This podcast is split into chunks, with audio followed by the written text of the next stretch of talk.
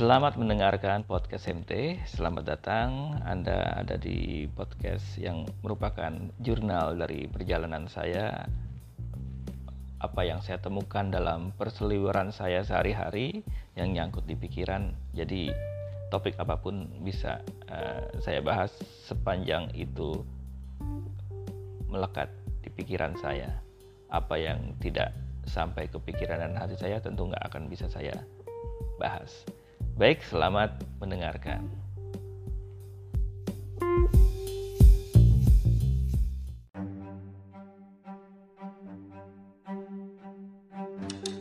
Kenapa orang bisa rekrut jadi teroris? Yang pertama itu biasanya sudah ditanamkan kebencian terhadap negara kita ya NKRI misalkan dengan mengungkap keburukan-keburukan yang ada di negara kita. Ya dengan kasus-kasus aparat pejabat yang korupsi segala macam uh, diskriminasi konflik politik itu selalu dimanfaatkan untuk ditanamkan kepada orang muda yang akan direkrut. Makanya untuk merekrut itu sebenarnya yang paling gampang adalah ketika orang itu sudah punya kebencian terhadap pemerintah. Itu paling gampang apa pun agamanya apa pun latar belakangnya pendidikannya itu bisa kena.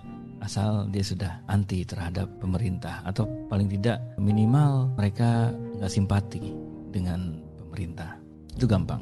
Setelah itu ditanamkan juga pemikiran bahwa umat Islam itu tertindas di muka bumi. Umat Islam tertindas di Indonesia. Dan biasanya juga ditambah dengan menanamkan pemikiran bahwa dunia dikuasai oleh Yahudi. Pemerintahan di Indonesia dikuasai oleh Yahudi.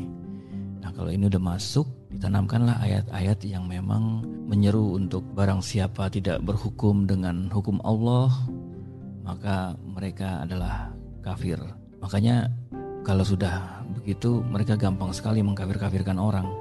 Jangankan orang-orang yang agamanya bukan Islam, ya, agama yang lain yang Islam saja dikafirkan. Orang-orang yang di pesantren dikafirkan uh, ormas-ormas atau organisasi keagamaan pun dikafirkan ya. NU Muhammadiyah segala macam. Selama tidak mau mengikuti ajaran mereka paham mereka ya kafir. Gitu. Karena dianggapnya e, mereka percaya terhadap pemerintah togut pemerintah yang sombong kepada kekuasaan Allah. Maka itu adalah kafir. Dan itu layak diperangi ayat-ayat perang dimasukkan. Ini salah kaprah juga sih. Padahal penerapan ayat juga harus disesuaikan konteksnya. Nah untuk hal ini lo banyak konsultasi lah sama ustadz-ustadz, kiai-kiai yang memang paham tafsir Al-Quran, paham sejarah Islam dan sebagainya dan sebagainya sehingga kita tidak sesat pikir. Lalu ditanamkan juga kewajiban membela agama Allah, menegakkan dinul Islam. Islam harus tegak di muka bumi. Islam harus dibela karena Islam tertindas itu penanaman-penanaman dasar yang biasanya dilakukan ketika melakukan perekrutan terutama kepada anak-anak muda yang gampang banget dipicu rasa tidak sukanya ya sehingga mereka mudah untuk mengikuti perintah-perintah selanjutnya untuk berjihad dengan harta dan jiwa dengan imbalan syahid bahwa syahid itu adalah sebuah pencapaian tertinggi maka harus siap membela dengan harta dan jiwa. Harta dulu makanya banyak banget orang kalau udah kena tuh segala hartanya diserahkan. Lalu jiwanya siap mati untuk membela agama Allah. Karena memang sudah di otaknya sudah ditanamkan itu tadi di awal. Islam tertindas dan Islam harus dibela dan Anda adalah orang yang tepat untuk menjadi mujahid bagaimana mereka merekrut? Ya sama lah dari zaman ke zaman ya pola rekrutmen tuh sama cuma bedanya dengan teknologi sekarang lebih mudah. Contoh untuk belajar e, merakit bom aja dulu mungkin beberapa tahun yang lalu mandiri belajar di internet ya, cari sendiri. Tapi sekarang sudah bisa video meeting ya udah gampang lah pakai zoom pakai google meet pakai apa pun itu dipakai dan akan lebih mudah melakukan koordinasi pembinaan pembinaan uh, untuk menumbuhkan semangat berjihad. Ya kita bisa aja bilang mereka bodoh. Oh lo kok mau sih bunuh diri? Oh kok dia mau sih uh, nyerang markas polisi dengan airsoft gun gitu? Ya mau kita bilang goblok, mau kita bilang tolol, nggak punya otak, ya buat mereka itu adalah jihad untuk mencapai syahid. Makanya mereka mau melakukan. Ya kenapa ya? Karena tadi itu awalnya sudah ditanamkan yang di awal saya bilang tadi. Di mana mereka? Ya di mana-mana. Nggak usah ke pemikiran yang dangkal. Wah pesantren sumber teroris. Zaman dulu kan sempat tuh pemikiran kayak gitu. Enggak. Di mana pun bisa terjadi. PNS banyak, di BUMN banyak, ada yang anggotanya anggota Polri, anggota TNI juga terpapar. Ya udah banyak buktinya ya. Di kantin sekolah juga ada, di mana pun. Bisa jadi tetangga sebelah lo itu adalah anggota teroris. Ya, gue bukan nakut-nakutin. Faktanya memang begitu. Nah, karena itulah kalau kita menemukan orang-orang atau teman-teman kita yang memang sudah punya indikasi pemikirannya gampang mengkafirkan orang, gampang menganggap uh, orang lain itu salah, tidak islami, jahiliyah, bahkan kafir itu ada indikasi. Intoleran. Jangankan terhadap yang agama lain terhadap sesama muslim pun disalah-salahin. Ahlah ahlu ahlul bid'ah ya. Ahlun nar ya. orang pasti masuk neraka dan sebagainya. Ya itu kalau kamu menemukan teman-teman yang kayak gitu kasih tahu atau laporkan.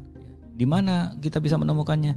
Sekarang kan gampang mereka biasanya juga mengungkapkan ekspresi mereka itu di media sosial, di grup-grup chatting, ya, mau WhatsApp, Telegram, Wesel, kartu pos. Udah nggak main ya. Ya kayak gitu. Kita lihat aja kalau teman kita, wah nih kayaknya medsosnya udah mulai-mulai takfir ini, udah mulai-mulai ekstrim nih, udah mulai-mulai intoleran nih. Ya jangan diam, bikin opini, sampaikan jangan diam. Kalau lo nggak mau sampaikan, ya laporkan, konsultasikan kepada orang yang memang lebih uh, punya otoritas untuk menjelaskan yang sebenarnya seperti apa. Ya karena kalau kita diam, mereka tuh nggak pernah tidur loh untuk menakut-nakuti kita. Mereka nggak pernah istirahat untuk tetap berjihad dalam versi mereka. Ya kalau kita diam aja, ya akan selamanya nih terjadi ancaman-ancaman kayak gini. Kita nggak bisa mengandalkan Densus 88, Polri, TNI. Ya mereka punya kerjaannya masing-masing. Cuma kita sebagai sesama warga, sesama sebangsa, ya saling jaga lah, saling peduli. Masa sih masih mau kayak gini aja? Apa nggak takut loh? Tiba-tiba orang tuh bawa bom ke tempat lo kumpul, ya kan tingkatkanlah kewaspadaan tingkatkan kepedulian bukan mikir kita takut tapi pikir lindungi tetangga kita lindungi saudara kita. Nggak usah mikir lindungi negara inilah kejauhan ya. Lo mau melindungi negara mau urusan politik nggak habis-habis ya. Kita mau demi bangsa negara ya demi negara demi pemerintahan orang di pemerintahan aja nggak banyak banyak yang nggak beres. Korupsi masih terjadi. Mereka gontok-gontokan setiap pilpres, setiap pilkada. Kita mau ngurusin negara, dihancurin sama mereka politikus. Makanya wajar kalau kita tuh gampang dipicu untuk membenci pemerintah, akhirnya terekrut. Karena itu ya niatnya menjaga sesama kita. Jangan sampai ada yang terekrut.